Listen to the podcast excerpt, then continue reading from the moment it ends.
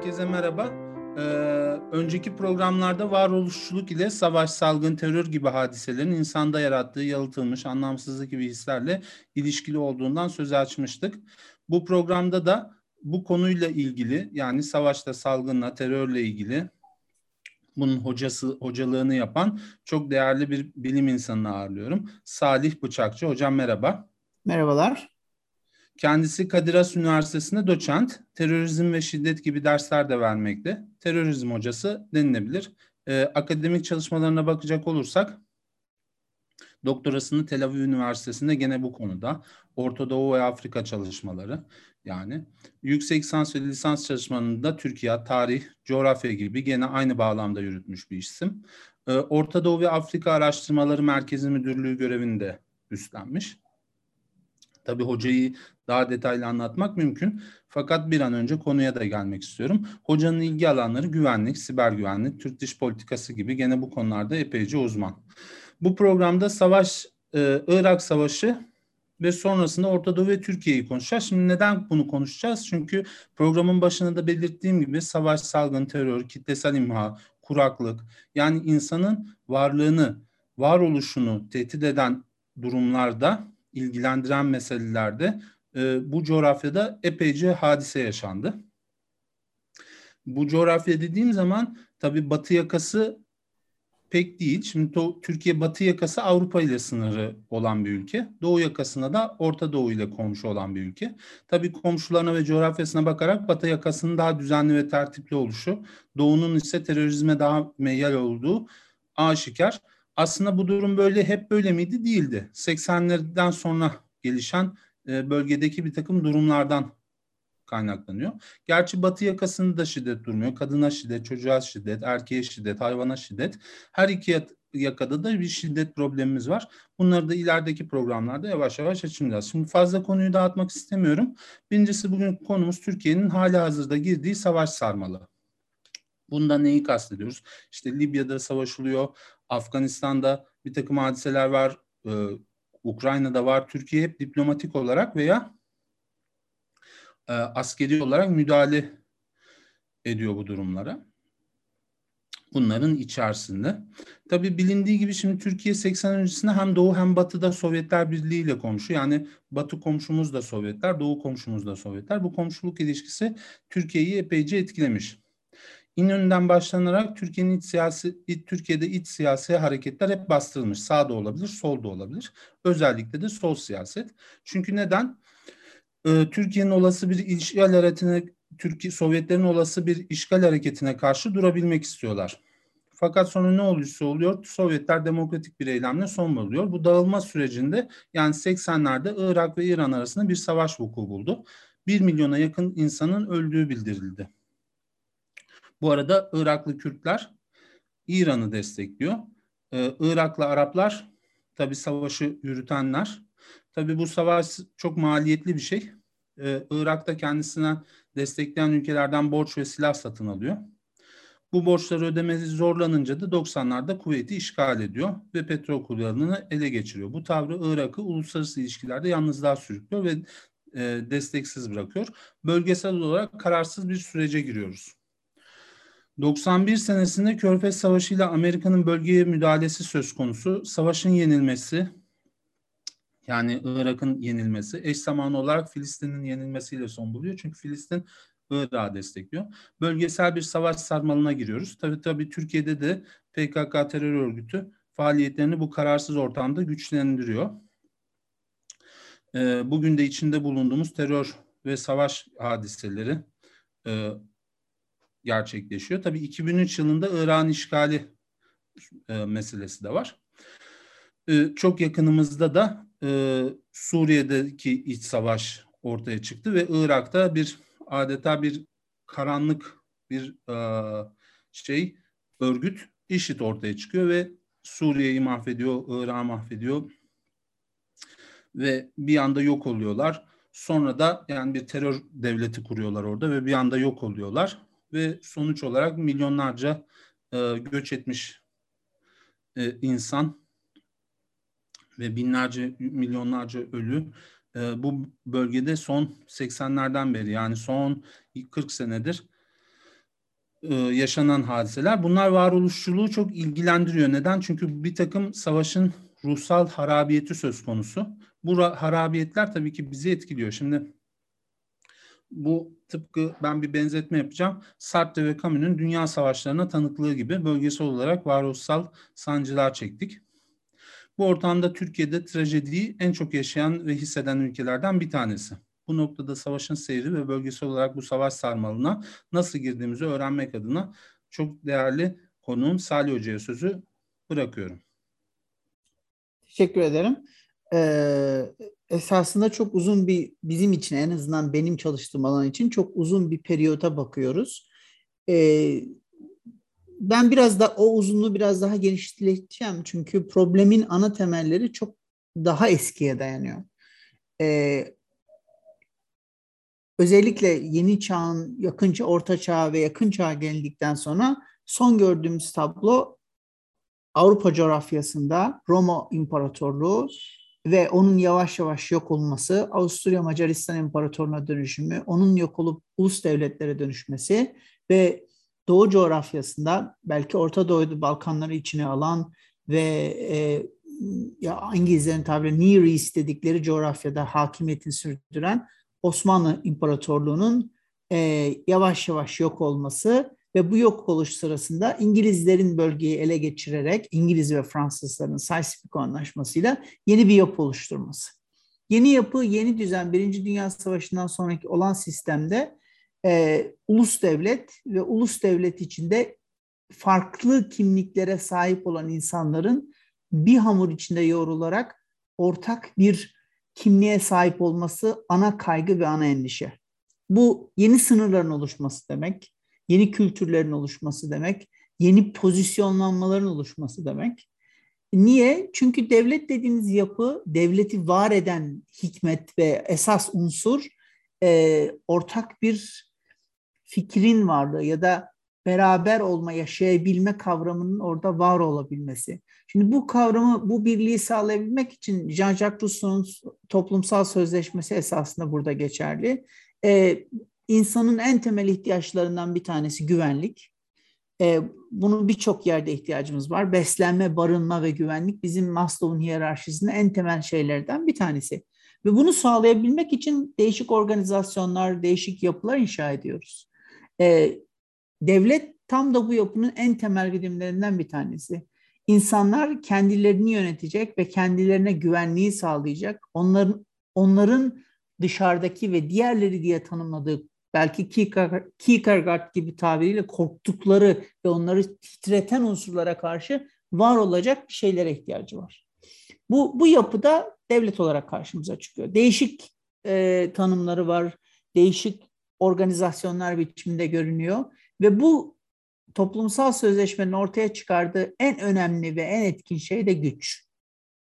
Bu devlet dediğimiz yapıya öyle bir güç veriyoruz ki biz bireyler, vatandaşlar, ona o anlaşmaya imza koyan insanlar olarak o yapı bizim için neyin güvenli, neyin güvensiz olduğunu, neyin kabul edilir, neyin kabul edilmez olduğunu ve bizim e, denge içinde yaşamamız için gerekli unsurlar ne olduğunu tanımlamaya çalışıyoruz. Burada bir tane problem var.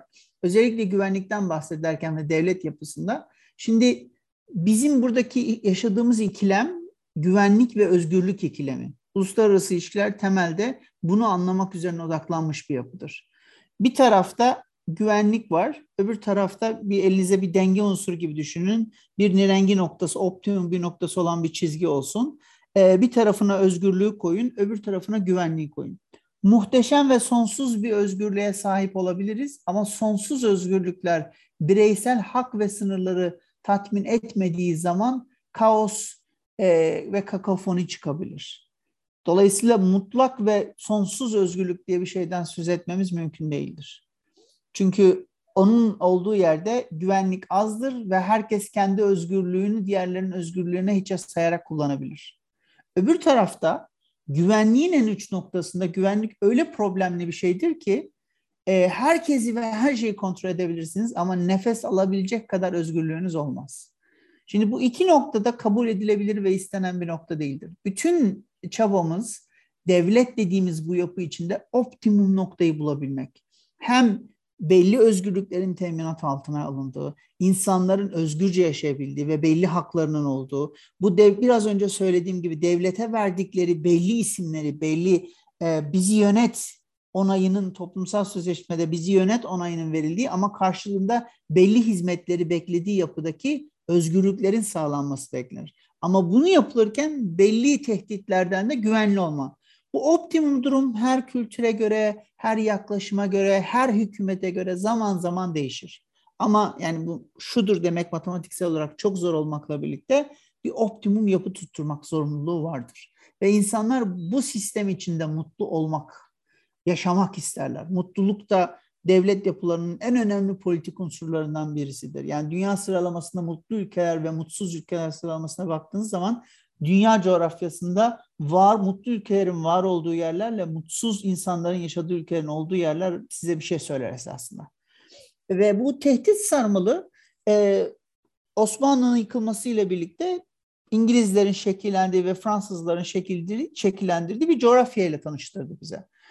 E, bunu tamamen İngiltere kaynaklı olarak verilmiş bir terim olarak Orta Doğu içinde tanımladılar. Kimileri Os- Türkiye Cumhuriyeti'nde bunun içine kattı, kimisi, kimileri katmadı. Eski tabirle e, e, maşrık dediğimiz yani Orta Doğu'nun kalbi olan işte şu anki Suriye'yi, Lübnan'ı, İsrail'i, Filistin'i, e, Ürdün'ü ve Irak'ı da içine alan bir bölgeden bahsediyoruz. Bu bölge yeniden şekillenmeye başladı. Değişik ittifaklar, ittifaklar ve anlaşmalar yapıldı. Belki Filistin meselesine sonra ineriz ama esas odağımızı kaybetmeden Irak'a gidelim. Irak o tarihe kadar olmuş ve inşa edilmiş bir yer değil. İlginç bir şekilde İngilizler bu savaşı yap, gerçekleştirirken değişik güçlerle ittifak yaptılar. Ee, Yahudi birlikleri bunlardan bir tanesiydi e, Arap birlikleri bunlardan bir tanesiydi ve bunlar bunlarla yaptıkları ittifakla hem Filistin'de hem diğer başka cephelerde Osmanlı'yı yenmeye ve ortadan kaldırmaya başardılar. Ama ana problem bir gücü ve bir varlığı yani burada sorunsalımız belki bugünkü dünya içinde o bir varlığı bir sistemi ortadan kaldırmak, yıkmak, e, enerjisini tüketmek kolay olmakla birlikte yeni bir şey inşa etmek göründüğünden daha fazla efor gerektiren, çaba gerektiren ve organizasyon gerektiren bir yapı. Özellikle devletler bazında söylüyorum. Irak o tarihe kadar var olmuş bir yapı değil. Başka sancaklar ismi içinde Osmanlı Devleti'nin içinde, imparatorluğu içinde yer almış.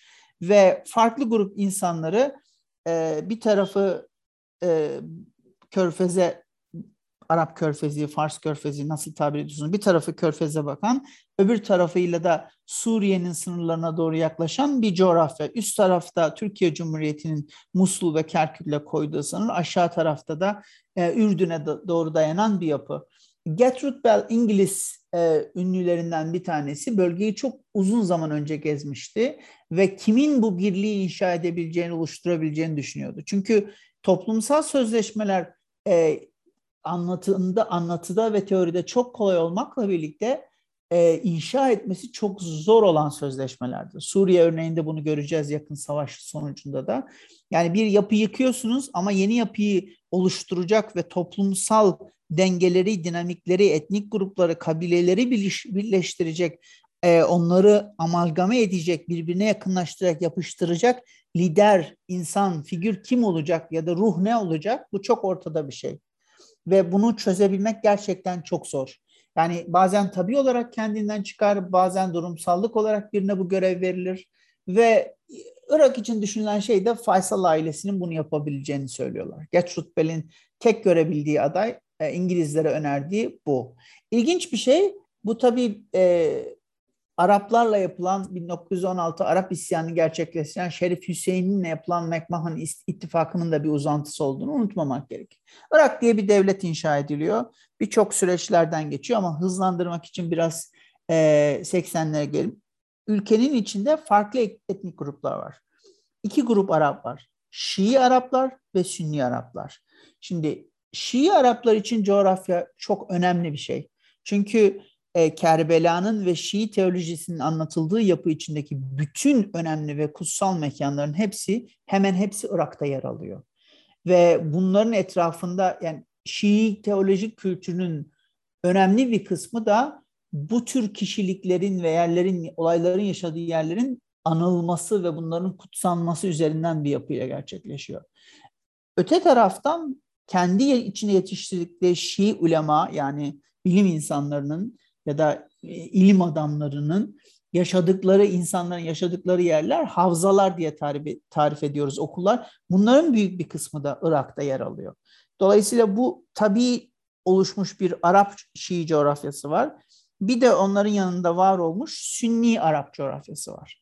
Buna ilaveten birçok etnik grubun yanında ana öne çıkan etnik gruplardan bir tanesi e, Türkmenler, diğeri Kürtler ve Ermeniler, Yahudiler diye de bu grup geniş bir gruba doğru devam ediyor. Çünkü imparatorluklar parçalandıkları zaman bir et, saçılma efekti gösterirler. O efektin ana sonuçlarından birisi olarak da burası inşa ediliyor. Ulusal birlik inşa ediliyor. Şimdi bu tür devletler genelde yeni bir şey icat etmek yerine kolay olan şey bu yapıları inşa ederken eski yapıların korunması, eski bilinen referansların korunmasıdır. Ve etnik gruplar arasında bu dengeler korunurken genellikle Arap Sünniler merkezde duruyor. Osmanlı zamanında da böyleydi ona çok yakın duruyorlardı. E, Şiiler biraz daha istenmediği için uzakta duruyor. Kimi Kürt gruplar yakınlaşıyor ve buna kabul ediliyor. E, kimi Türkmen gruplar merkeze çok yakın duruyorlar ve böyle bir birlik oluşuyor. Bir ilave daha belki şunu söylemek lazım. Sadece Arap Şiiler yok, Türkmen Şiiler de var. Türkiye, ya Türk halkının ya da Türk anlatısında çok olmayan bir şekilde Şii Türkmenlerin varlığını ve, ve sayısal olarak önemli bir rakam olduklarını da biliyoruz. Ee, bu düzen her şey normal giderken İngilizlerin hakimiyetiyle bir yapılaşma ve inşa süreci devam ederken e, İkinci Dünya Savaşı patlak veriyor. Belki varoşluk açısından belki en çok konuştuğumuz konulardan bir tanesi bu. İkinci Dünya Savaşı'ndaki yükselen sağ akımların faşizmin büyümesiyle birlikte artan bir dengesizlik ve Avrupa'nın tarumar olması ve Birinci Dünya Savaşı, İkinci Dünya Savaşı'nda izole edilmiş olarak duran Amerika'nın olaya müdahale etmesiyle artık yeni bir dönem başlıyor. Savaşın olmaması için gereken bütün dinamiklerin kurulduğu, e, dengelerin, hassas dengelerin uzun süre korunması için bütün çabaların gösterildiği bir dünya sistem düzeni kuruyor. Ve bu dönem belki biraz da e, Churchill'in isimlendirmesiyle demir perde ülkeleriyle ayrılmış birinci dünya ülkelerinin bir arada olduğu e, bu döneme soğuk savaş ismini veriyoruz. Bir gerginlik var, tehdit var, tehdit algılaması var e, ve iki taraf, iki kutup var. Biz buna kutup diye tabir ediyoruz uluslararası ilişkilerde. Kutubun bir tanesinin liderliğini ve önderliğini Vars Varşova Paktı ile birlikte Moskova ve Rusya yapıyor. Ee, Sovyetler Birliği'nin parçası olarak tabii ki diğer kutubun önderliğini ve liderliğini Amerika Birleşik Devletleri yapıyor. Ve bir iki ülke, iki kutup arasındaki denge bütün dünya coğrafyasındaki haritayı şekillendirmeye çalışıyor. Bir de bağımsız, ilgisiz gruplar var. Bu dengelenme sırasında e, Türkiye, Yunanistan çok önemli bir rol oynuyor. Çünkü 1950'lerin ilk e, yarısında diyebilirim. E, çok önemli bir makale yayınlanıyor. Makale bir Amerikalı bir e, diplomat tarafından yayınlanıyor. Hatta yayınlanırken Mr. X diye bir isimle yayınlanıyor. Teori çok basit. Biz Rusların, Sovyetlerin aşağılara inmesini, yani başka bölgelere yayılmasını, genişlemesini durdurmalıyız, engellemeliyiz diyor. Ve bu sistematik üzerinden bir kısıtlama politikası, İngilizcesi containment policy geliştiriyorlar. Ve kısıtlama politikasının en temel anlamı boğazlara ve Ege Denizi'ne hitap ettiği için ve o sıradaki sosyalizmin, sol görüşlerin çok aktif olduğu ve iç savaştan henüz çıkmış olan Yunanistan ve diğer tarafıyla Türkiye var. Türkiye İkinci Dünya Savaşı'nda çok farklı bir rol oynuyor. Savaştan uzak kalmaya çalışıyor ama öte yandan e, Almanlarla değişik ittifaklar içine giriyor. Ayakta tek başına var olmaya çalışan bir e, Türkiye görüyoruz. İkinci Dünya Savaşı ile birlikte e, NATO'nun içine dahil olma ve Amerika ile birlikte olma onu otomatikman bu e, contain etme politikası, bir ayakta tutma politikasının parçası olarak e, Amerika tarafında yer almasını sağlıyor. Irak'la ilişkiler çok iyi, gelişmiş durumda. Irak inşa sürecinin parçası. Fakat İkinci Dünya Savaşı'nın oluşmasıyla birlikte İngiltere çok e, herkesin seyredebileceği, seyrettiği ya da seyretmiş olabileceğini düşünün. Dunkirk filmi bunu çok iyi anlatıyor. İngiltere çok zor duruma düşünüyor. Almanların hızlı ilerlemesi neticesinde artık Orta Doğu'dan da çekilmek zorunda kalıyor. 1947 Orta Doğu'daki hakimiyetin İngiltere elinden artık iki kutuplu dünyadaki Amerika'nın eline geçmesi dönemi. Hatta bunun en büyük göstergelerinden bir tanesi petrol fiyatları ki en önemli unsurlardan bir tanesidir Orta Doğu güvenliğini etkileyen. Petrol fiyatlarının e, artık poundla sterlinle belirlenmek yerine Amerikan dolarıyla varil başına belirlenmesi oldu, belirlenmesine geçildiği dönemde tam da bu zamana rast gelir. Ve Amerika Birleşik Devletleri bölgeyi önce tanımaya başlıyor. Çünkü 1950'lerde ve 60'larda Orta Doğu diye bir kavram Amerika için çok uzak. Hiçbir fikirleri yok. Hem literatürde hem akademik olarak yazmış birçok insan var ama e, zihnen politikanın parçası olarak olmamış e, ve topluma nüfuz etmemiş durumda. Yeniden tanımaya çalışıyorlar dinamiklerin nasıl olduğunu ve ama tek bir bildikleri bir şey var. Sovyetlerle ittifak halinde olmayan ve Sovyetlere karşı olan ülkelerin bunlarla konuşabileceğini düşünüyorlar. Tam bu sırada e, Suriyeli olan ama e, sonra Suriye Lübnanlı olan diyelim ve sonrasında Mısır'a geçen Michel Aflak'ın geliştirdiği Bağsizm yani Arap sosyalizmi Orta Doğu'yu çok derinden etkiliyor. Ve tam da bu sırada Nasır Mısır'dan ortaya çıkıyor. Ve bu yapı Sovyetler Rusya'nın fiziksel olarak aşağı inmesini engelleyecek yapı ideolojik olarak Orta Doğu'ya sızmasına engel olamıyor. Ve Orta Doğu bir şekilde e, parçalı gruplar halinde bölünmeye başlıyor. Tam da bundan biraz önce kurulmuş İsrail Amerikan tarafında kendisini pozisyonlandırıyor. Filistin Rus tarafında e, Varşova Paktı'nın o tarafında ideolojik olarak konumlandırıyor. Lübnan bunlara dahil oluyor. Yapılan ihtilallerle 50 ve 60 sırasında Suriye, Lübnan, Filistin ve Irak olmak üzere çok büyük ittifaklar içine giriyorlar. Mısır bunun bu e, tren vagonunun lokomotifliğini yapıyor ve hatta o kadar ilerliyor ki Mısır'la Suriye arasındaki ilişkiler bir e, bir top yani coğrafi olarak beraber olmayan ayrı olan iki topluluğun bir devlet olarak var olmasına giden bir örneklemeyi bizim önümüze koyuyor. Ve Irak bu sırada Bağız seçimiyle birlikte çok artık etnik gruplarla ve Osmanlı'dan gelen dinamiği biraz değiştirerek Arap sosyalizmine uyduruyor. E, ve Saddam'ın da geldiği ki kendisi Tigritlidir. Sünnilerin en önemli olduğu yerlerinden bir tanesinden çıkıp gelen bir insanın e, askerlikte yükselmiş bir insanın idaresiyle değişik bir yöne doğru evrilmeye başlıyor. Bu tarihler çok önemli bizim için. Niye önemli? Çünkü bu dönüşümler ve mesafeler artık Türkiye ile Ara, Amerikan bandında duran Türkiye ile Irak arasındaki çelişkiyi bozuyor. Güç dengeleri değişiyor ve herkesin çok sevdiği tabirle yeni bir düzen oluşmuş oluyor Orta Doğu'da. Ee, biraz hızlandırmaya başlarsak bu İkinci Dünya Savaşı'nın bir etkisi daha var. Önemli belki konuşulmayan bir etkisi. Ee, Kürtler İkinci Dünya Savaşı'nda İran topraklarında Mahabat Cumhuriyeti dediğimiz bir cumhuriyet kurma girişiminde bulunuyorlar. Üç coğrafyada belki dört coğrafya, dört farklı ülke sınırları içinde yer alan Kürtler, Suriye'de, Irak'ta, İran'da ve Türkiye'de yer alan Kürtler e, zaman zaman belli ortaklıkları kullansalar da farklı e, etnik şiveler ya da diyalekler kullanarak birbirlerini çok farklı gelişim süreçleri izleyerek birbirlerine pozisyonlanıyorlar.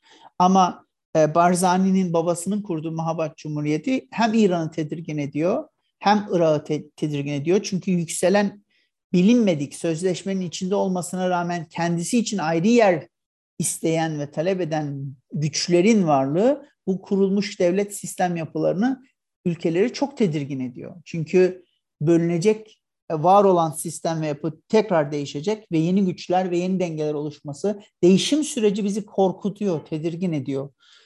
E, hem fizyolojik olarak hem e, filozofik olarak bu bizi çok etkileyen unsurlardan bir tanesi. Ve İkinci Dünya bütün bunlar bittikten sonra 70'lere geldiğimizde artık e, ikinci yarısında diyebilirim Soğuk Savaş'ın. Dengeler oturmuş durumda. Kimin hangisinin yanında var olduğu çok net olarak belirlenmiş durumda. Buradaki e, İran ve Irak ortaklığı ya da benzerliği ve yakınlığı bizim için çok önemli unsurlardan bir tanesi. Çünkü İran'da da çok önemli bir sol güç var ve bu sol gücün yükselişi e, Amerika'yı gerçekten tedirgin ediyor. Çünkü İran e, Şah döneminde Amerika'da olmakla birlikte daha öncesinde ve sonrasında sosyalist görüşlerin yatkınlığı dolayısıyla Rusya bunu kullanıyor, manipüle ediyor, besliyor. Halbuki orada gördüğümüz sol hareket bizim Arap basınında yani Arap solculuğunda gördüğümüz hareketten çok farklı bir şekilde. Ama Şiilik ve solculuk arasındaki ilişki Arap Orta Doğu çalışan literatüründe çok net olarak belirlenmiş durumda. Eğer Şii ise genelde solcudur yaklaşımı çok hakim bir yapı olarak kabullenilmiş durumda. Detayları geçiyorum ama yine soru olursa üzerinde konuşuruz. Ve İran'ın 79'daki solcuların başlattığı devrim hareketi bir anda Mollalar tarafından de Mollalarla solcuların başlat, başlattığı hareket bir anda değiştiği zaman e, 79'da Amerika'nın önemli ve şahla koruduğu kalelerinden bir tanesi ki ilk petrol e, kuyusunun açıldığı ülkelerden bir tanesidir. Bir anda elinden gitmiş oluyor. Ve bu, bu gidiş ve bu yalnızlık Amerika'yı çok tedirgin ediyor. Şimdi bu dinamiğin, bu soğuk savaş dinamiğinin en önemli kısmı şudur. Bir güç, yükselmeye başlayan bir güç ya da bir akım eğer karşı bir güç ve akımla dengelenmezse onun nüfuz edeceğini ve etkin olunacağı düşünür. Ve bu yapıyla genellikle hep sistematikler, fikirler, ideolojiler, cemaatler, gruplar oluşturmuş ve politize edilmiştir o dönemde. Bu sonrasına bugünkü yaşadığımız problemlerin de sonrası olarak devam ediyor. Mesela e, İran'ın bu yükseliş, bu değişimi karşısında ve Hümeyni geldikten sonra biz ne batıcıyız, la şarkıya, la garbiye, ne batıcıyız, ne doğucuyuz, illa İslamiye, illa sadece İslamcıyız deyişi e, hem Amerika'yı hem Rusya'yı esasında tedirgin ediyor. Tam da bu dönem, bu değişim 79 dinamiği esasında bütün dönüşümlerin olduğu bir dönem. Niye? Çünkü öte yandan Amerika'nın başka bir projesi olan Afganistan'da Rusya'nın işgaline karşı geliştirdiği mücahitlerle savaşma projesi de Suriye tarafından Pakistan'da geliştirdiği sistematiğe entegre oluyor. İran e, bir taraftan Afganistan meselesinden kendini rahatsız hissederken öbür yandan da İran'ı kontrol edecek belki biraz da bastıracak bir sınır anlaşmazlığı üzerinden savaş oluşturma fikri Amerika'ya çok yakın geliyor. Ve Irak'ı destekleyerek Saddam üzerinden İran'ı devamlı bir savaş halinde tutmak için e, İran-Irak savaşı başlıyor. Şimdi İran-Irak savaşı esasında çok önemli bir savaş ve bütün bu kırılmaların ve kaotikliğin başlangıcı. Çünkü kristalleştirmeyi sağlıyor. Şimdi bir grubu kendi içinden tedirgin etmek istiyorsanız o ülkenin ittifakında imza atmış birisinin ya da askeri tabirle e, başka bir cephe açmak istiyorsanız bir grubu problem oluşturmaya başlarsınız. Tam tam da bunu yapıyorlar zaten. İran Kürtleri Irak aleyhine kullanmaya başlıyor e, ve bu konuda çok mahir bir şekil alıyor. E, bir yandan Saddam Hüseyin bunun çok farkında zaten çok uzun süreden beri Arap sosyalizminin kendi anlayışlarının bir parçası olarak Kürtleri vatandaş bile kabul etmiyor. Kimliklerine bile bunu yazmıyor. Herkesi Iraklı olarak kabul ediyor. Etnik grupların başka dil konuşmasına ve başka yapılarda bulunmasına izin vermiyor. Ve hatta e, Kürt aşiret gruplarının değişik yapılarda bölebilmek için aralarında su yolları, barajlar ve pozisyonlandırmalar yapmalar hayali kuruyor. Onları minimize edebilmek için. Ve tüm, tüm bu çabaların ortasında e, İran'ın savaşı devam ederken Kürtlerle de uğraşmak zorunda kalan Saddam Hüseyin çok vahşice Halepçe katliamını gerçekleştiriyor. E, ve hepimizin belki çok sinematografik bir şekilde hatırladığı torunu elinde ölmüş ve kendi boyunu eğilerek onun üstüne düşmüş e, bir dede fotoğrafı vardır Halepçe'de merdivenlerde oturan. Ben onu ben onu hafızamdan asla çıkaramadım. E, çünkü kullanılan kimyasal silah yüzlerce insanın ölmesine sebep oluyor. İnsanlar katliamdan sonra Türkiye sınırlarına hücum ediyorlar. Türkiye o sırada 12 Eylül sonrasında askeri yönetim var. Ee, şu anki olduğu gibi Afganistan ve Suriye meselesinde olduğu gibi sınırlarımızı açmıyoruz. Yine merak edenler bu YouTube'da e, videolarını görebilirler. Asker çok uzun bir süre sınır boyunda e, bu grupları tutuyor, peşmergeleri tutuyor ve bunlar e, öbür tarafta Saddam bir tarafta Türkiye sınırı arada sıkışıp kalıyorlar. Hatta patates ve pirinç gelmesi ve desteklenmesi konusunda birçok e, yazışma ve kamuoyunda o günkü gazetelerde konuşmalar gerçekleşiyor. E, ve Saddam Hüseyin'in ilk defa Halepçe ile başlayan kontrol ve nefes aldırmama yapısı giderek tırmanmaya ve bir megalomaniye doğru yürümeye başlıyor. Çünkü İran-Irak Savaşı'nda o kadar çok borçlandırılmıştır ki e, Irak ve Amerika çok ilginç bir şekilde bu borcu kendisi ilk önce askeri yardım yapmakla birlikte e, sadece petrol gelirleri olan ve bundan başka geliri olmayan bir ülkeye borçlandırmayı Kuveyt üzerinden yapmıştır. Kuveyt çok zengindir. Irak e, belki burada petrol düzeninin bir parçası olarak da OPEC'in olması ve OPEC'in etkinliği Irak'ın zengin olmasına rağmen ekonomi politikaların bir parçası olarak ürettiği petrolü belli bir oranda üretmesine müsaade etmektedir. Ve ham petrolün varilinin OPEC tarafından belirlenmesi, üretim tarifesinin onlar tarafından belirlenmesi gelirle gider dengesini çok bozmuştur. Ee, ve muhaberat, istihbarat, Arap istihbaratlarına verilen isimdir muhaberat. Muhaberatın yoğun baskısı insanların her türlü birliğini, organizasyonunu kontrol altına alması ve hapis, hapishanelere atması büyük infial uygulamıştır. Yani devlet diye kurduğumuz yapının esasında adaleti bozarak tek yanlı bir grup ya da e, bir hakimiyet alanı istemesi ve bütün renkliliği bitirmesi yani ilk önce anlattığım güvenlik ve e, özgürlük denkleminde daha ziyade özgürlükten ziyade güvenliğe doğru kaydırması ülkelerin içindeki bütün dengeleri de bozmaktadır. Ve Saddam Hüseyin e, çaresizlik içinde birçok etraftaki ülkelere yardımda bulmak için e, destek ister. Türkiye'yi tehdit eder, Kuveyt'i tehdit eder, e, savaş açacağını söyler, saldıracağını söyler. O dönemde ortalık gerçekten çok gelmiştir. E, yine e, benim hatırladığım mübarek Saddam Hüseyin'e gönderilir ve şey diyor kendisi konuşmaların hatıratlarında benim çok yakın arkadaşımdı ve çok sık konuşuyorduk ve herhangi bir şekilde saldırabileceklerine dair en küçük dahi bir emare görmemişlerdi. Rus e, yapısında uçakları ve silahları da kullandıkları bilinen e, Irak askeri gücü kendi yani savaşın da getirdiği yıpranma etkisinin bir parçasıyla epey güçlüydü. Ama Körfez'deki çok yakın ülkelerden bir tanesi olan, çok zengin ülkelerden birisi olan Kuveyt'e göre de aşırı e, üstün askeri üstünlüğü vardı. Kuveyt savaşın bitmesinden, bu İran-Irak savaşın bitmesinden hemen sonra borçlarını geri istedi. Irak bu borçlarını ödeyemeyeceğini çok net olarak biliyordu.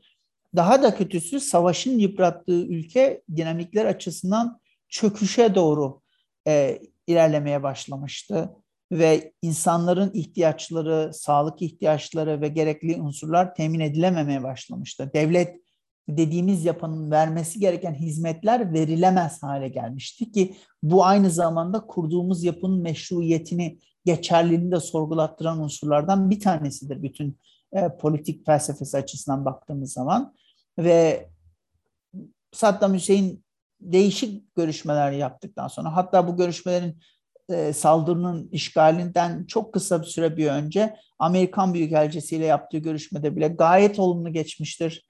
Ve hiç kimse dünyadaki hiçbir lider, bölgedeki hiçbir lider Saddam Hüseyin'in bir çılgınlık yaparak e, Soğuk Savaş'ın bitmesinden çok az kala Kuveyt işgal edeceğini hayal etmiyordu.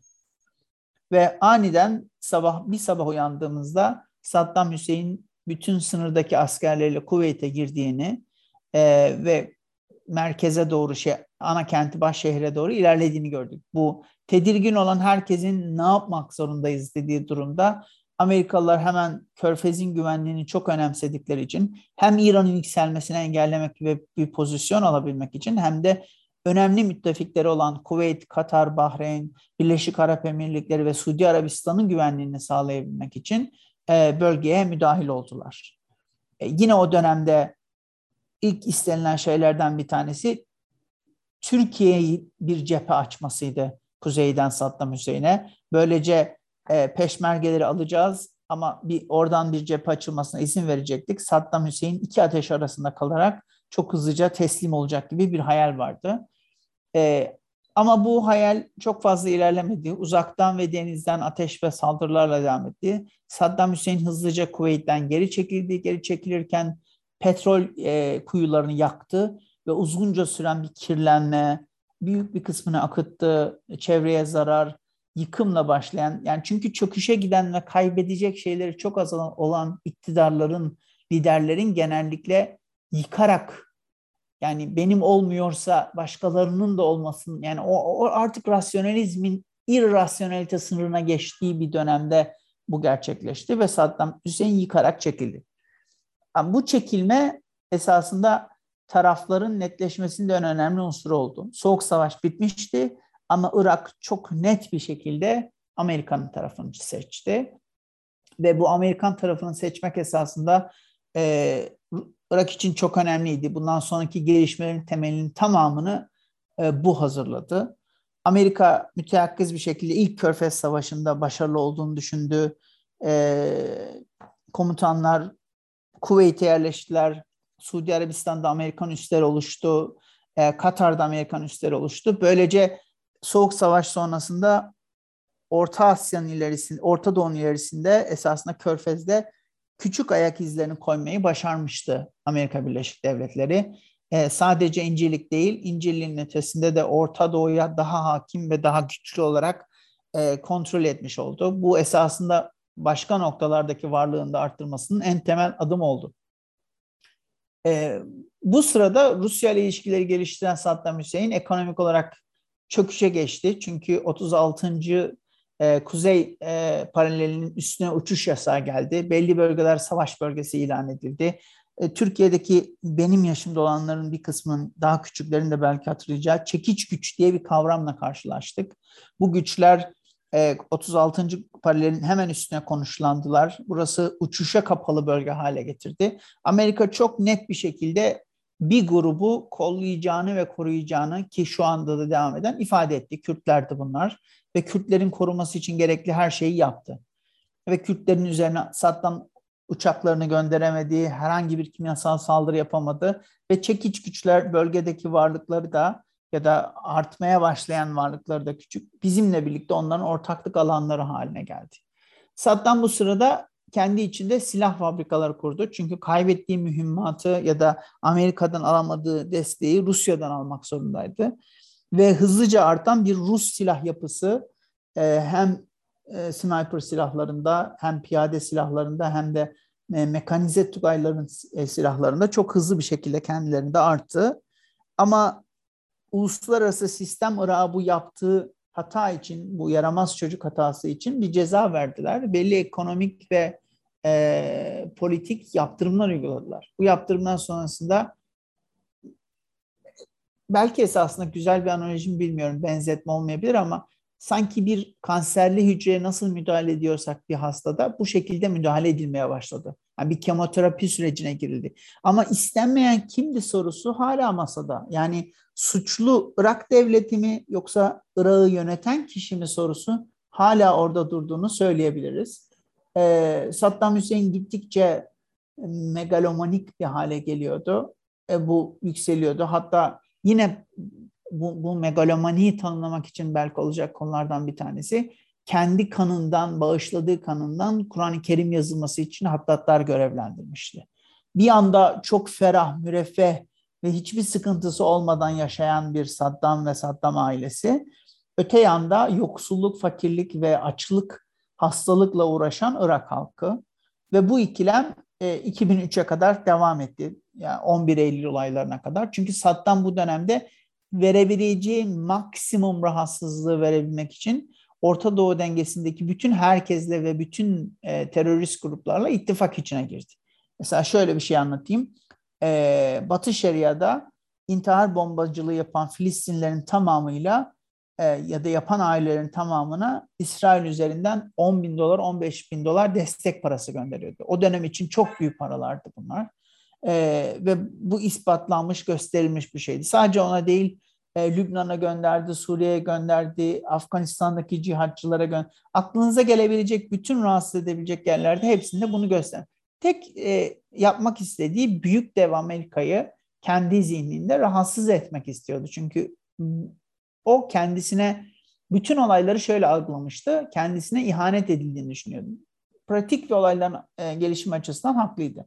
2009 11 11 Eylül gerçekleştikten sonra e, Bush hükümeti çok net bir şekilde artık şeytan şeytanın müttefiklerini aramaya başlamıştı. Çünkü beklemediği bir saldırıydı. Biz yine uluslararası ilişkilerde güvenlik e, denklemi ve düzlem açısından o dönemi çok önemli olarak niteler ve tanımlarız. Çünkü e, bütün güvenlik dinamikleri Soğuk Savaş'tan sonraki ortaya çıkmış güvenlik dinamikleri yine 11 Eylül'den sonra tamamen değişmiştir bütün dünyada. Yani bunu hava yollarının uçuş kontrollerinden tutun da silaha ve savaşa ve çatışmaya verdiğimiz tanımlara kadar değiştirdiğini görebiliriz. Ve 11 Eylül'den sonra e, gözüne kestirdiği iki yer vardı. Bir, birinci yer Afganistan'da ilk müdahaleyi oraya yaptı. Yani bugünkü problemin ana temelleri de o zaman daha da ateşlendi ve alevlendi. İkinci müdahalede ikinci Körfez Savaşı diye tanımladığımız zaman hatta insanların bütün dünyanın sadece Türkiye'nin değil bütün dünyanın karşı çıktığı e, müdahaleydi. Niye? E, çok, çok bariz ve net bir sebebi vardı. E, çünkü Saddam yine saldırabilir tehdit büyümüştü. Her tarafa yine o tarihi hatırlayanlar hatırlayacaktır. Türkiye'de Türkiye'ye füze atarsa ne olur meselesi konuşulmaya başlanmıştı. Ben o sırada İsrail'deydim. İsrail bütün vatandaşlarına gaz maskesi dağıtmıştı. Yine Covid gibi değişik bir pandemi hali vardı ve e, çocuklar gaz maskelerine resimler yapmış, çiçekler yaparak her gün herkes atropin iğneleri ve gaz maskelerini yanında taşıyordu. E, bu, bu artan e, şiddet eğilimi ve tehdit sarmalı bir şekilde çok büyük yankı buldu. Amerika müdahale edeceğini her gün söylemesine rağmen Or- e, Avrupa'dan, Türkiye'den birçok insan e, Irak'a doğru gitti. Canlı kalkan oluşturmak için belli binaların üstüne yerleştiler. Çünkü yapılan zulmün ve e, verilen saldırı etkisinin sadece Saddam'a değil bütün ülkeyi yıkacağını düşünüyorlardı. Gerçekten de haklıydılar bu konusunda, bu konuda. E, ve ilginç bir şekilde 2003'te Amerikan 2. Körfez Savaşı'nda e, Irak'a müdahale etti ve Irak'ta fiziksel olarak bütün Amerikan askerlerinin önemli bir rakam başlayarak artan 2011 çekilmesine kadar artan bir dönemde Irak'ta varlığını gösterdi. Ve girer girmez bütün Saddam heykelleri yıkıldı, Saddam kullanmaya başladı, Saddam resimleri kaldırdı, sarayları ele geçirildi. Çünkü oradaki bir sebebe meşruiyet zeminine ihtiyacı vardı Amerika'nın. Ee, herkesi yok edebilecek, yıkabilecek nükleer ya da biyolojik kimyasal silahlara sahip olduğunu düşünüyordu Saddam Hüseyin'in. Hatta bunun için buna gösterge olarak da delil olarak da Halepçe'yi kullanıyordu. E, Halepçe bütün dünyanın gördüğü ve tanık olduğu bir şeydi ama ilginç bir şekilde ne Birleşmiş Milletleri gözlemcileri e, ne diğer uzmanlar Irak'taki yaptıkları incelemelerde ve gezilerde e, kitlesel imha silahı taşıyan bir ize rastlayamamışlardı maalesef. Hatta Amerika kendisi de rastlayamadı. Hatta bunun için böyle bir mazereti daha sonradan gördüğümüz bir e, Orta Doğu uzmanı İbrahim Baraşi'nin tezine e, atfen e, uydurduklarını İngiliz istihbaratının ve Amerikan istihbaratının birlikte olarak uydurduklarını dahi biliyoruz. E, müdahale etmek için bir zemin oluşturdular ve müdahale ettiler. Gerçekliği olmayan ve ilk gelindiği zaman çok alkışlayan Irak halkı hayal ettikleri güvenlik ve özgürlük dengesinin Amerika tarafından kurulacağını zannederken e, çok kısa bir sürede bunun kurulmayacağını çünkü kendi dillerini konuşmayan, bu kültürün ne olduğunu anlamayan ve sorunun ve problemin ne olduğunu anlamayan Amerikalıların davranışlarının esasında yeni bir kolonyal sistem olarak bölge içinde dinamikleri değiştireceğini ilk günden itibaren fark ettiler. Ve bu fark etmenin sonuçları oldu mu? Elbette oldu. E, bütün çevre ülkeler ve Irak için artık Şiilerin hakim olduğu güçlü bir devlet oluşturma kararı aldılar. Çünkü Sünnilere karşı Saddam'dan dolayı pozisyon almışlardı ve direniş gruplarının çoğu Sünnilerden oluşmuştu. E, bunun ötesinde e, diğer problemlerden bir tanesi de tabii oluşturdukları gruplar ve var olan gruplar e, yeni bir hakimiyet alanı oluşturmuşlardı. Bunu biraz sonra göreceğiz esasında. Arap Baharı ve öncesinde artan büyüyen Şii varlığı Amerika'nın bugün yaşadığı sorunun İran'ın oluşturduğu 2010'da e, Ürdün Kralı Abdullah'ın dediği e, Şii Hilali diye tarif ettiği alanın açılmasına sebep olacaktı. Şiileri iktidara getirmesi ve güçlendirmesi ki haritayı biraz bilenler bilecektir. Bağdat'taki yerleşim bölgeleri Şii yerleşimlerle Sünniler ayrıydı. E, Amerika bölgedeki yapılandırmayı yaptığı zaman yeşil bölgedeki ve zengin bölgedeki insanların çoğu Şii, e, fakir bölgelerdekiler Sünni hale gelmişti. Ve bu yapılandırma ve bu kırılganlık İran tarafından hızlıca kullanıldı. E, ve İran'ın Ürdün'e, e, Irak'a, Suriye'ye ve Lübnan'a oluşması için önemli bir yer oluşturdu ve bu devam ederek Ürdün'den Suudi Arabistan'a ve Körfez'i ele geçiren bir hilal şeklini aldığını da söylemek lazım. Bu dengesizlik basit bir şekilde bugüne kadar devam etti ve 2003'te bir savaş olarak başlayan ve Amerika'nın çekilmesine rağmen e, devam eden unsur şimdi hala devam ediyor. Çatışma düzeyi düşük yoğunlukta ve her gün tehditin devam ettiği, yapılaşmanın olmadığı, eğitimsizliğin arttığı, fakirliğin arttığı ve insanların sürekli kaçtığı, devletin sadece şekilsel ve e, sistematik olarak var olduğu ama ilişkiler ve kendini geliştirme yani içinde anlaşma yaptığı en başa dönesek, dönecek olursak toplumsal sözleşme ve anlaşma yaptığı insanlarla birlikte olma fikri ya da onlara hizmet etme fikrindeki fonksiyonlarını yerine getiremediği bir yapı bıraktılar.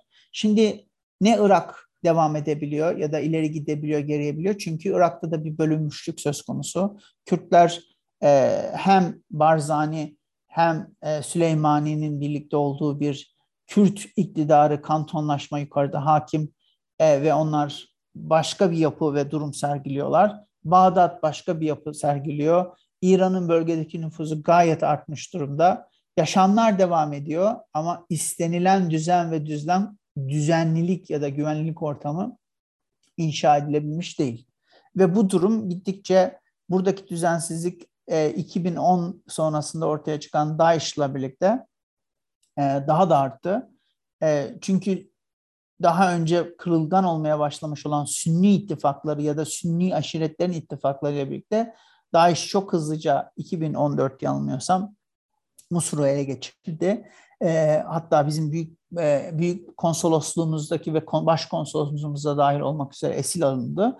Ve bu esir alınmayla birlikte bölgesel kırılmışlık daha da büyüdü.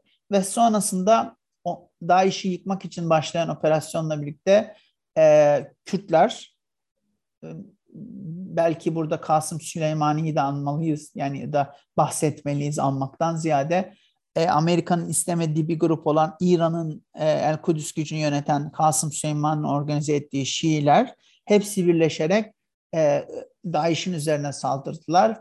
Amerika destek verdiği öbür taraftan kuzeyden e, özgür savaşçılar diyebiliriz ya da değişik farklı Sünni grupların etkisiyle birlikte bir küçülme yaşandı e, ve görünmez hale geldi. Ve şu yapıda bugün baktığımız zaman e, belki bu, bu soruyu böyle bağlamalıyım. Suriye kaosu içinde ne olacağını ve nasıl yapı oluşturacağını bilmiyoruz. Irak kırılmışlık ve e, tükenmişlik içinde nasıl bir yapı oluşturacağını ve nereye gideceğini bilmiyoruz. E, Ürdün aynı zamanda ekonomik iktidar olarak var olmakla birlikte Suriye'deki ve Irak'taki çatışmanın e, etkisinin parçalarını ve göçmenlerin yükünü taşıdığı için ve Filistin meselesinin yükünü taşıdığı için ekonomik olarak çok zor durumda ve olumlu ve kabul edilebilir, kabul edilmez diye bir sınır olsa bıçak sırtında kabul edilebilirlik sınırının çok ince çizgisinde gidip her an düşebilme tehlikesiyle orada duruyor. Lübnan yıkılmış durumda ekonomik olarak, politik olarak ve birlik olarak yani iç savaştan ayrı olarak e, yıkılmış durumda. Filistin ve Gazze'de durum e, çok iç, olma, iç açıcı olmamakla birlikte e, karşımızda böyle inşa edilemeyen ve parçalanmış ve var olma telaşını başka bir yere taşımış e, güçler olarak karşımızda duruyorlar. Bir belirsizlik var ve belirsizlik esasında kendi içinde bu derin belirsizlik kendi içinde ekonomik güçsüzlükler ve üretebilme kabiliyetinin eksikliğiyle birlikte ve kişiliğin ve kendinin tanımlanması, tanımlanamamasıyla birlikte e, esasında bizi korkutan bir geleceğe doğru götürdüğünü söylemek mümkündür. Hocam e, çok güzel bir e, konuşma oldu. Şimdi tabii benim sorularım da var ama devam etmek isterseniz de vaktimiz var. Yani nasıl nasıl istersen sorularına devam edebiliriz. Hocam şimdi ben bu güvenlik ve özgürlük yani te, küçük bir kuramsal e, bilgi verdiniz. Dediniz ki bir e, devlet bir sözleşmedir. Bu sözleşmede güvenlik ve özgürlük arasında gidip geliyor. Aslında bunu biz tiyatroda da biliyoruz. Nasıl biliyoruz? Mesela trajedi dediğimiz şey veya tiyatronun içerisinde komedide de var bu. E, esaret ve özgürlük. Yani özgür insan hata yapar, suç işleyebilir. Bu suçun karşılığını oyun içinde görür. Yani bunun gibi aslında biz özgürlüğümüzden feragat ederek bir anlamda es, bir e, kanunlara, hukuka esir olarak e, düzeni sağlıyoruz. Fakat uluslararası ilişkilerde bu sınırın tanınmadığı gerçeği de var. Yani çok açık şekilde yaşananlara bakacak olursak mesela Amerikan Amerikan müdahaleciliğinin tamamıyla bölgeyi giderek kararsızlaştırdığını, e, doğal haliyle belki çok daha e, iler, ilerlemesi mümkün olacak birçok şeyin e, devletin, yapının, gücün e, ortadan kaybolduğu, yok olduğunu görüyoruz. Ben şu soruyu sormak istiyorum. Yani bir bu özgürlük dediğimiz şey şöyle bir şey ya. E, karşınızda bir güç varsa özgürlüğünüz kısıtlanıyor. İşte devlet böyle bir güç veya uluslararası ilişkilerde de başka bir devlet böyle bir güç. İşte soğuk savaşta bu türden bir denge var. Bu dengenin yarattığı da bir e, yarattığı acılar da var ama şunu söylüyorum. Bu tek kutuplu dünya. Şimdi Çin mesela iktisadi olarak e, en ileri şey en yüksek dolar hacmine ulaştı. Mesela Çin Amerika arasında bu türden bir dengele, denge, dengelenme söz konusu olabilir mi? Bunu şu bağlamda söylüyorum. Yine Orta Doğu bağlamında söylüyorum. Çünkü Çin e, bölgesel olarak müdahale ediyor. Ama daha önce dünyada benim bildiğim kadarıyla, yani bilgi dağarcığımın yettiği kadarıyla bir, bir müdahale ettiği görülmüş olan bir ülke değil. Eski bir sömürge. Bu bağlamda Çin-Amerika e, diyalektiğini nasıl görüyorsunuz? Şimdi esasında çok ilginç bir soru. İki kültürün iki farklı duruşu var. En büyük problemimiz bence burada başlıyor. Çünkü e, Çin kendi yapılanmasından kolonyal yani network'ünü ve ağını büyütürken daha barışçıl bir yöntemle yapıyor ve odaklandığı şey e, askeri güç ve tahakkümden çok farklı bir şey. Amerika bütün şu ana kadar şimdi ilk farklı algı bu. Amerika tahakküm etmek üzerine bir yapı kuruyor. Gidiyor fizik bu kolonyal dönemde de vardı. Yani 19. yüzyılın başındaki kolonyal farklılıklara bakarsanız İspanya'nın kolonyal tarzıyla Fransa'nın kolonyal tarzı ya da Portekiz'in kolonyal tarzı birbirinden tamamen farklıydı. Bu biraz dünya algısı, kendi kültürleri, inşa ettikleri gücü nasıl tanımladıkları ile ilgili.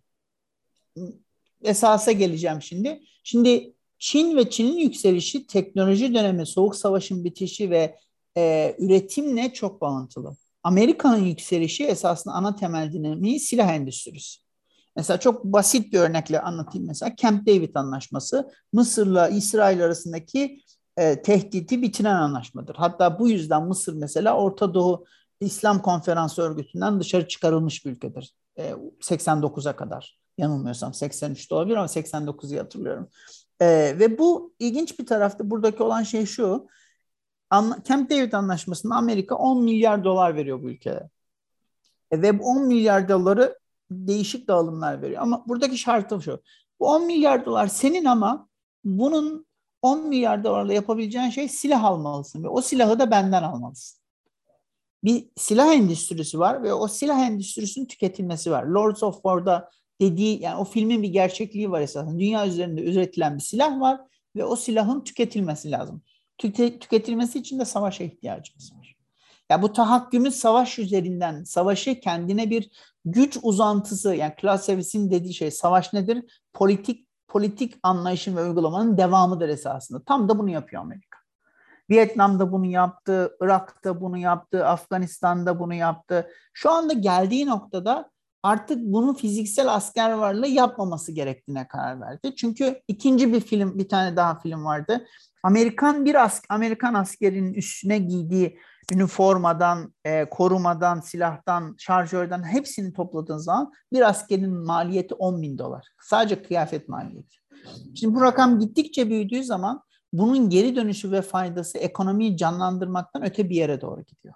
Ne yapmamız lazım o zaman? Yani öbür taraftan da petrolün değeri ve petrolün varlığı ve gerekliliği Amerika için bir anlamda düşüyor. Yani bütün bunları bir maliyet dengesi açısından bakıldığı zaman Amerika varlıklarına son vermek istiyor.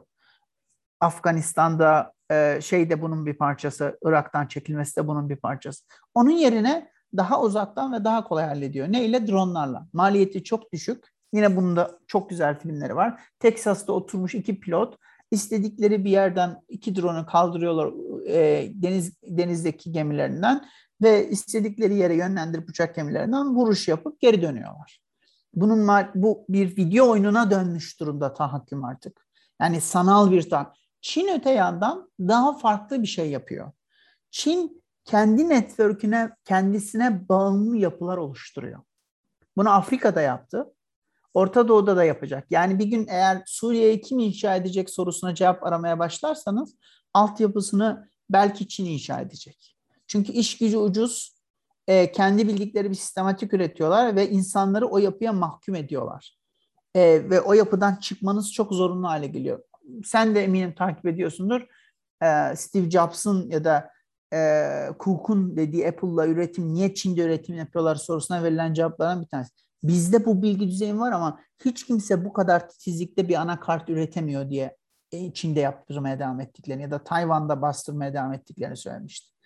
Çin'in kendine ait bir hassasiyeti var ve hiçbir zaman fokusu 10 yıl sonrasına değil. Mesela ilginç bir şeydir hatırlar mısın bilmiyorum. 2000'lerde Ukrayna'dan bir tane kumarhane uçak gemisi vardı ve kumarhane yapılmak üzere Çin bunu aldığını söyledi. Ve Kör, Boğaz'dan da geçmişti bu gemi. Hatta benim çok yakın tanıdığım bir arkadaşım Serhat Güvenç de fotoğraflarını çekmişti. Ve o anlattı bana. Demişti ki yani siyah arabalı insanlar bakarak fotoğraflarını çekiyor ve gülüyorlardı. Ben bu, bunun kumarhane olmayacağını o zaman anlamıştım ve Çin'in ilk uçak gemisi oldu. Yani Çin acelesi olmayan bir güç, sabırsız olmayan bir güç, kendi dinamiğinde yavaş yavaş ilerliyor ve onun için 50 yıllık bir vizyon çok küçük bir vizyon. O 100 yıllık ve daha uzun projeksiyonları olan bir şey, ülke olduğu için daha farklı bir adımda gidiyor. Ama Amerika öyle değil. Amerika tez canlı ve Amerika'da çok fazla güç var ve her gelen e, başkan e, bir Nobel ödülü, barış ödülü alabilmek için imza atmaya çalışıyor. Bakarsan bölgede mesela Orta Doğu'da yapılan drone saldırıları, precision attack dedikleri bu hassas saldırılara baktığın zaman Obama barışı sağlayan lider olarak görünmekle birlikte en çok saldırı yapan kişi. Ya da emri onaylayan kişi. Dolayısıyla algıladığı çok başka çalışıyor.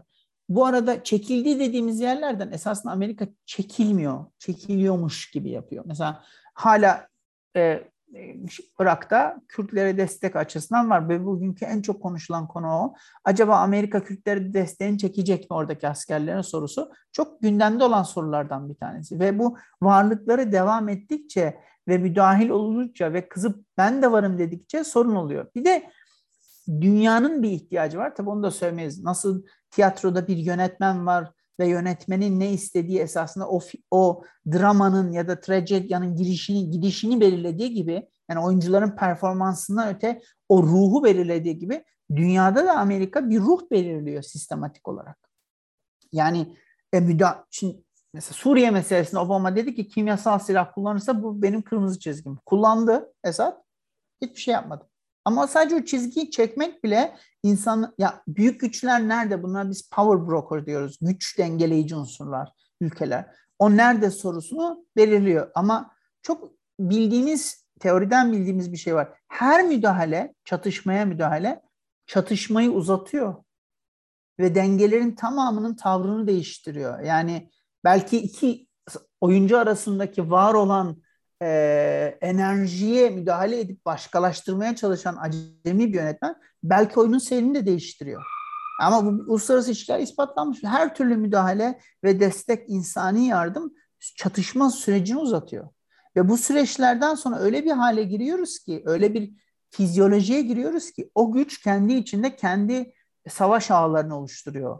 Kendi kara borsalarını oluşturuyor. Kendi insan dram ve bunları telafi etmek, normale dönüp bu psikolojiden çıkıp yok olmadan çıkıp sıyrılıp normale dönebilmek e, üç nesil alıyor. Dört nesil alıyor. O zaman da düzeni normal kuralım sözcüğü çok anlamsız bir hale gidiyor. Hocam e, şimdi bu de, şey, yani bu cevapta bahsettiğiniz çok ilginç bir şey vardı. Bu precision attack dediğiniz yani gidiyor drone'u şey yapıyor video oyunu gibi saldırıyor. Orada da bir yabancılaşmanın son noktalarını da görüyoruz. Yani çünkü gerçek mi değil mi? Gerçek sonrası çok tartışılıyor. Simülasyon çok tartışılıyor. Bunu soracağım ama bunun da altını çizmek istedim. Ben şimdi bir şey daha sorca- sormak istiyorum. Şimdi devlet ve adalet konusuna da değindik. Şimdi biz özgürlüklerimizden vazgeçiyoruz ama insanlar aslında modern insan en azından özgürlüğünden öyle pek kolay vazgeçebilen bir canlı değil. Ee, modern insan bundan vazgeçiyor çünkü Aristo'ya göre devlet bir ortak faydaya dayalı ve diyor ki hepimizin faydası için yani en azından böyle justifiye edenler de olabilir. E, ortak faydaya dayalı bir örgüt ve ben bunun karşılığında bir adalet bekliyorum. Fakat bunu siz konuşmanızdaki bir yerle bazı yerlerin de altını çizmek adına söylüyorum. Orta Doğu'da bu durum pek böyle olmadı son 40 senedir. Öncesinde de zaten ne olduğu çok belli değil. Benim açımdan en azından. Yani çok aslında şeyin programın da şeyinin dışında. Ama şunu soruyorum. Orta Doğu'da bu ortak faydaya değil de belirli bir sınıfın, belirli bir zümrenin faydası için bir araya gelen bir e, çalışan devletler var. İşte bu Irak bunlardan bir tanesi. Şimdi biz bölgeye baktığımız zaman yine böyle e, bölgeyi e, çöküşe doğru götüren ayrıcalıklı sınıflar görüyor muyuz? Mesela Irak'ta Saddam'dan, Saddam ve ailesi gibi şeylerden, öncesinde başka ailelerden bahsettik. İran'a baktığımızda mollalar var, aileler var, şeyler var. Yani bölgede bu, bu türden ayrıcalıklı sınıflar var mı yok eden bölgeyi? E, hep var. Çünkü bu bu biraz üretim ve modernleşmeyle gelen bir şey. Çünkü üretmek ve üretebilmek ya daha doğrusu şehirleşmiş üretim ahlakı bizi eşitliyor. Yani bu özgürlük ve güvenlik dengesinde dediğim şey şehir çok farklı. Niye farklı? Çünkü şehirde hukuka uymak zorundasınız. Ama kırsalda bunu gerçekleştirmek için sizin bir güce ihtiyacınız var. Çünkü hukuk kırsala bu kadar net olarak e, nüfuz edemiyor. Onun için ailelerin çok çocukları var ve çocuksal ya da sayısal üstünlük orada çok önemli bir hale geliyor. Ve kimse size dokunamıyor. Mal sahibi olmanız orada onun için çok önemli. Ama şehre gittiğiniz zaman sizin e, yaptığınız herhangi bir hatanın karşılığı çok daha hızlı tahakkuk ediyor. Şimdi bir üretim yapabilecek bir yapımız Orta Doğu'da asla olmadı. Yani Orta Doğu'nun en büyük problemi bir tanesi fakirlik. Yani ne petrol imkan, pet, bazıları şey diyor, pe, keşke petrolümüz olsa. Petrol esasında bir anlamda e, problem de, lanet de. Niye? Çünkü onun getirdiği bir e, bir şeye gerek duymama, ihtiyaç duymama hali var. Çünkü zenginlik var olarak. Ama onun da sonu geliyor. Mesela Suudi Arabistan bugün onunla uğraşıyor.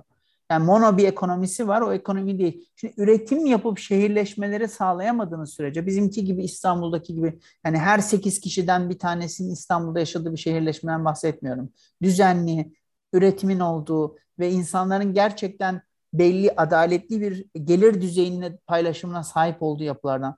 Bunu yapamadığınız zaman diğer e, eşitsizlikler sizin belki özgürlüğünüzü artırıyor ama diğerlerini zayıflaştırıyor ve güvensiz bir hale getiriyor. Var tabii yani bu İsrail'de de var, Filistin'de de var, Lübnan'da da var. Lübnan'da mesela Marunilerle Hiz Hizbullah mesela şu anda çok büyümüş durumda.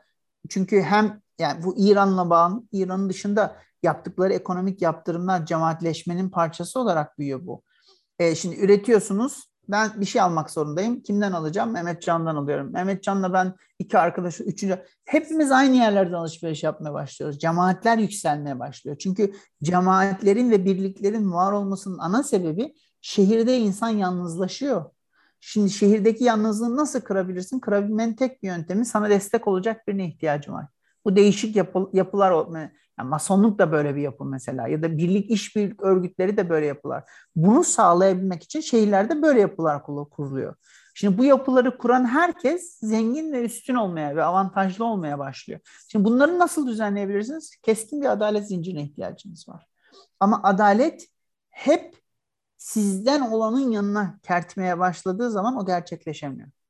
Yani adalet yoksa e, sağlık da yok, adalet yoksa e, eğitim de yok, adalet yoksa ticaret de yok. Ekonomik dediğiniz şey çok adaletle ilgili. Ve bu bunlar hiçbir zaman doğru dürüst kurulamamış durumda. Çünkü Lübnan'a bakın 47'den 74'te iş savaş, iş savaş bitiyor. E, biraz Refikilerle yükselmiş oluyorlar. Sünni bir iktidar kuruluyor. E, Hariri buraya geliyor, bir düzen kuruyor, inşaat faaliyetleri falan başlıyor. Sonra son iki yılda yine düşüşe geçiyor. Suriye hakeza yani bir grup Nusayri bir azınlık iktidarda ve bütün istihbaratla her tarafı yönetiyor. İstemediği güçleri susturuyor.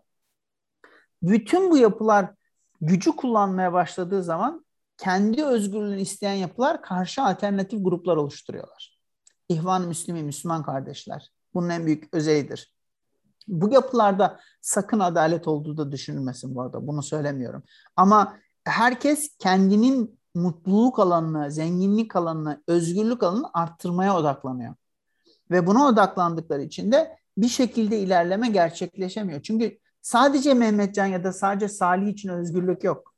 Yani ben şöyle bir kanun geçireyim, o benim özgürlüğümü sağlasın yapıldığı zaman herkesin insani özgürlüğü düşünülmediği zaman ve bu öğretilmediği zaman her şeyden öte.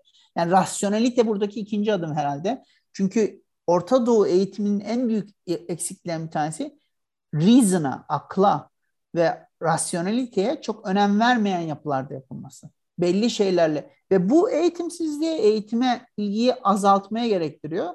Neyi getiriyor beraberinde? Sınıf atlamak için çok uzun yıllar hala da geçerli. Devletin içinde Osmanlı'daki yapı efendiyun dedikleri efendi sınıfı, katip olabilmek, memur olabilmek, civil servant olabilmek Aynı şekilde devam ediyor. Yani Saddam'ı da oraya getiren budur. Ee, Irak ordusu fakir çocukları alıyor ve askeriye de okutuyor ve bir yere getiriyor. Saddam oradan gelen bir çocuk. Fakir bir Tikritli çocuk. Sünni ailen çocuğu. Ee, Cemal Abdülnasır hakeza aynısı. Yani gördüğümüz bir neslin değişimi var önümüzde. Şimdi gele, ana soru burada şu esasında belki sormamız gereken. Gelecek nesil yani ikinci perdede gelecek grup ve liderler kim ve nasıl olacak? Bunlar hmm. özgür düşünüyor mu? Adalet ve özgürlük çizgisini anlamış insanlar mı? Ve sadece kendi gruplarının, meşreplerinin özgürlüğüne mi istiyorlar yoksa genel bir özgürlük algısına ve dünyanın vatandaşı olma algısına sahipler mi? Esas sorun burada. Bu da e, içinde bulundukları durumun etkisiyle bazen çok özgür ruhlu düşünceli insanlar gelişirken bazen tam tersi güvenlik ve baskıcı tiplerde ortaya çıkardığı oluyor. Hocam çok ilginç bir yer. Yani durduğunuz tam durduğumuz noktada bir soru sormak istiyorum. Burada e, IŞİD ve üniversiteler gibi bir şey soracağım. Ya şimdi bu IŞİD kimdi diye bir soru soracağım. Diyeceğim ki Irak derin devleti dendi. Burada e, yani çökmüş olan Irak devletinin e, istihbaratının payı olduğu söylendi. İşte bizde siyasetçilerden öfkeli gençler falan gibi laflar söyleyenler oldu. Ya da Irak'ın dini eğitiminin çok geri olduğu gibi şeyler söylendi. İşte burada bu işit yani üniversitelerde mi örgütleniyor yoksa bu e, dini eğitim veren kurumların içerisinde mi örgütlenerek geldi? Bu işit kimdi sorusunu sormak istiyorum. Peki. E, ben müsaade edersen DAEŞ'i kullanmak istiyorum. Belirli de bir sebebim var. Çünkü ter- terör örgütlerinin isimlerini çevirmeye başladığımız zaman bir meşruiyet veriyoruz onlara. Onun için ben DAEŞ'i kullanacağım. Şimdi şöyle söyleyeyim. Dünyada nasıl belli bir spor başladığı zaman belli ülkelerde bu sporu destekleyen insanlar oluyorsa e, aynı şey e, bunun için de geçerli. Özellikle e, cihatçılık için geçerli olduğunu söyleyebilirim. E, 79 sonrasında başlayan mücahit kavramı ve kültürü bütün dünyada çok yayıldı. Yani tamam Müslümansın sen kendini Müslüman için tanımlıyorsun ama cihadın önemli bir kısmı aksiyoner olma ve var olabilmektir. Bu var olabilmeyi gösterebileceğin mekanlar ve yerlere ihtiyacın vardır. Şimdi bütün saydığım ışıklar içinde esasında en sondaki E şıkkı benim için hepsi. Niye? Çünkü bir tek kaynaktan gelmiyor. Biz kolaycılıkla tek kaynaktan söyleyerek rahatlamak istiyoruz. Şimdi geldiğimiz noktada bir, insanların bir kısmı adrenalin arıyor. İki, bir kısmı dönemsel geçim kaynağı arıyor. Üç, bir kısmı yer ve coğrafya değiştirmek ve yeni heyecanlar arıyor. Bunların hepsi bir araya geldiği zaman karşımıza çıkan esasında şey birlik DAEŞ. Çünkü aksi takdirde bunu söylediğimiz zaman mesela sadece mücahitler dersek bu insanların büyük bir kısmını Bosna'da görmedik. Irak'ta görmedik. E, Çeçenistan'da görmedik. Niye burada görüyoruz? 700 tane İngiliz'i nasıl açıklıyoruz? Binlerce Amerikalıyı, Kanadalıyı, Avrupa e, Birliği'nden gelmiş insan nasıl açıklıyoruz sorusunun ana temeli burada. Çünkü insanlar bir hayat yaşıyorlar ve tam da Avrupa Birliği mesela en büyük terörizm tartışması buydu o dönemde. Avrupa Birliği e, ifade özgürlüğü çerçevesinde bu insanların sokaklarda belli propagandaları yapmasına hiç itiraz etmiyordu. Ve kendince doğru bir şey yaptığını düşünüyordu organizasyon yapıp gönderenler. Ama öbür yandan başka e, algıları da var. Şimdi şiddetin içinde olanın şiddeti ve sonucu ve kurtuluş tanımlamasıyla şiddetin dışında olanların e, şiddetin ne olduğu ve neyin ona yol açtığını tanımlaması çok farklı. Bunun için dünya üzerinde 160 tane terörizm tanım var. Herkes kendince bir tanım yapıyor. DAEŞ dediğimiz yapı esasında çok eklektik bir yapı. Belli müşterek ortaklıkları var bu insanların. Nedir o? Ee, daha özgür, daha güzel, vaat edilmiş cennet ülkesinde yaşayacaklarını hayal ediyorlar gelenlerin bir kısmı. Bir kısmı hiç ilgisi yok. Savaştan savaşa koşan Afganistan'dan Bosna'ya, Bosna'dan Keşmir'e, Keşmir'den Çeçenistan'a, Çeçenistan'dan Türkiye, Irak'a giden insanlar bunlar. Ve bu insanlar e, yeni cephe açıldı, güzel de paralar kazanıyoruz, e, çok da iş oluyor. Çünkü her kriz esasında bir fırsat onlar için. Değişik şeyler elde ediyorsunuz. E, kurulmuş düzenleri, hayatları yok. Bir kısmı da dönemsel mücahit. Yani adam kasap, bakkal ama böyle bir şey çıkmış bir gidip gelelim abi. Merakıyla giden insan var. İnsanlar şaşıyor bunu duyunca. Gerçekten böyle insanlar var. Yani e, esrar keş olup, eroinman olup, hırsız olup bun, ya bunlardan kurtulayım ben diye gidip orada savaşmış çok insan var. Ama yapı dışarıdan görünen ve içeriden çok farklı. Her şeyi kendisine yani mesela en unutulan insan bir tanesi indoktrine doktrine edilen kadınlar ve çocuklar. Öyle bir grup oluştu ki kimse şu anda ne kadar işit çocuğun ortada olduğunu bilmiyor ve bu çocukların bir kısmına silah kullandırıldı, canlı öldürme eğitimi verildi. Videolarda sık sık kullanıldı bu çocuklar. Silahla ateş ettiler insana birilerini öldürmek için eğitim ve bu insanlar nerede şu anda? Biz bunları gevre çevirdik mi? Bizim istediğimiz bu mu bilmiyoruz. Yani e, dünya üzerinde tekrar dağıldılar. Yeni bir DAEŞ çıkana kadar da orada kalacaklar. Bir kısmı ya olmuyormuş diyecek. Sovyetler Birliği e, Leninist ve Stalinist sosyalist dramasında olduğu gibi ideal devlet olmuyormuş diyecek. Bir kısmı da diyecek ki ya onlar yapamadı esasında eksiği şuydu olsa olurdu ya da Batılılar izin vermedi buna diyecekler. Dolayısıyla yeni bir yapı oluştuğu zaman gelecek. Bunlar boşluğu kullanıyorlar. Yani bütün dünyada var ama boşluk kullandılar ve gittiler. Bu biraz da Arap ayaklanmasının ortaya çıkardığı bir boşluktu. O boşluk kullanıldı.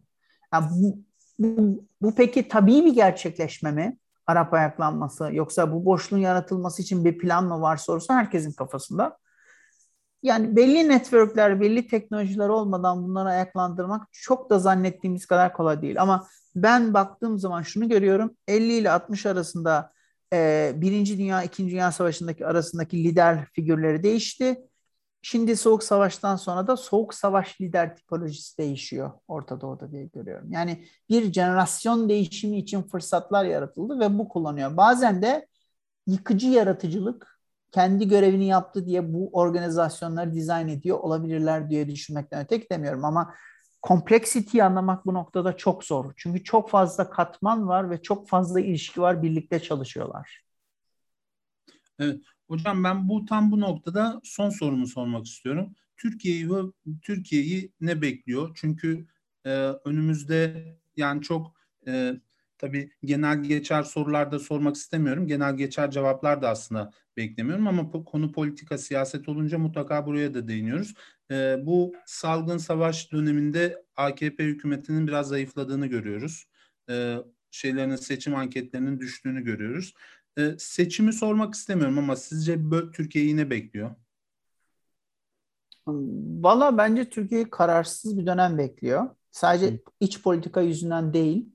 Ee, pandeminin çok büyük etkisi var. İnsanlar e, neler olabileceğine dair başka bir senaryo gördüler ya da ön teaser gördüler diyelim, fragman gördüler ve bu gördükleri fragman onları korkuttu. Birincisi bu. Çünkü dünya da bir değişimde ama bir türlü doğum yapamadığı bir değişim uzun sürüyor. Ee, ikincisi ciddi bir kaçış var ülkeden. Gençler özellikle insan kapitali kaçıyor. Yani ve da belli işe başlamış, belli tecrübesi olan insanlar kaçıyor, doktorlar kaçıyor. Bu kaçış insan sermayesini azaltıyor. Ülkedeki okur yazarlık ve eğitimli insan oranını da düşürüyor. Bu, bu önemli. İki, e, daha önce eğitim sınıf atlatırdı ve farklı yere getirdi Türkiye'de ve insanlar bu yüzden eğitime yatırım yapar ve eğitimde ilerlerdi. Şimdi bunun anlamsız olduğuna dair bir kanı gelişti. Çünkü insanlar artık eğitim olmadan da çok hızlı zıplayabiliyorlar. Fırsatçılık, pragmatizm çok öne çıkmış durumda. Üç, adaletin ve adaletin fonksiyonelitesinin yavaş yavaş düşmeye başladığı yerlerde boşluklar oluşur ve bu güç boşluklarını başka güçler doldurur. En tehlikeli kısmı da bu. En başta söylemem gereken belki en sonda söyleyeceğim şey de anomali, anomi. E, Durkheim'ın anlattığı eminim biliyorsundur. Durkheim intiharda suicide anlatırken der ki insanlar birbirlerine belli bağlarla birliktedir. Yani o toplumsal sözleşmenin parçası. Konuşmuyoruz ama Mehmet Can'la Salih'i birbirine bağlayan bir uzlaşma zemini var. Paradigmalarımızın benzerliği var. Ve o artık kayboldu aramızda. Bu kötü bir şey. Bu paradigmaların kaybolması benim A dediğime Mehmet Can'ın Z anlaması veya K anlaması bizim ortak çalışabilme kabiliyetimizi çok düşürüyor. Bu çok tehlikeli bir şey. Özellikle yeni jenerasyonun kendi getirdiği teknolojik sorunlarla birlikte bunu adapte etme yani bu kalibrasyon görevini, senkronizasyon görevini belli anlamlarda devlet sağlar. Bunu yapamadığın zaman birbirinden bağımsız serseri mayınlar halinde dolaşan insanlar oluşur ki e, ve bunları yönetmek gerekir. Bunu yönetemiyorsak ciddi bir problem. Bence bir virajdan geçiyoruz. Aracımız çok büyük bir karavan. Hepimizin içinde yaşadığı. Eğer sert ve hızlı bir şekilde girersek o virajda çok sallanacağımızdan belki de tahmin etmediğimiz sonuçların doğacağından korkuyoruz hepimiz. Benim gördüğüm nokta bu. Yani bir an önce ne istediğimizi hepimizin karar verip ortak bir ses haline gelmemiz gerekliliği var. Benzer durum İsrail yaşadı Orta Doğu'da. Çok ilgisiz bir örnek ama e, İsrail bu bunun kıyısından döndü. Onlarda da çok, bizden çok fazla çok seslilik vardı ve çok farklılık vardı ve artan bir popülizm ve sağ trend vardı. E, ama vücuttaki her şey gibi dünyadaki her şey, devletteki her şey denge içinde olmak zorunda. Ne artan bir grup ne diye konuşabilen, birbirleriyle konuşabilen zamansallık içinde belli normalizasyonu tutturabilmiş bir yapı lazım. Yani normalin ne olduğunu bir fizikçi olarak sen benden daha iyi biliyorsun. Bir sürü dalga boyunun bir arada oynadığı bir noktada bunun aynı pattern'ı tekrar eden kısmı biz normal diyoruz. Herkes kafasında statik bir normal var. Böyle bir statik bir normalimiz yok. Elbette her şey değişecek. Biz buna karşıyız ama bu değişimin ve oluşumun e, herkesin ortak kalbiyle olmasını istiyoruz. Çünkü tarih bize gösteriyor ki başka şekilde gerçekleşen her şey yerde patlak veriyor. Evet. Hocam yani e, muhteşem bir soru cevap ve çok güzel bir e, konuşma oldu. Ben size çok teşekkür ediyorum. Ben teşekkür ee, ederim. Seyirci, Dinleyicilere çok teşekkür etmek istiyorum. Çünkü sonuna kadar bu programı dinledikleri için. Ee,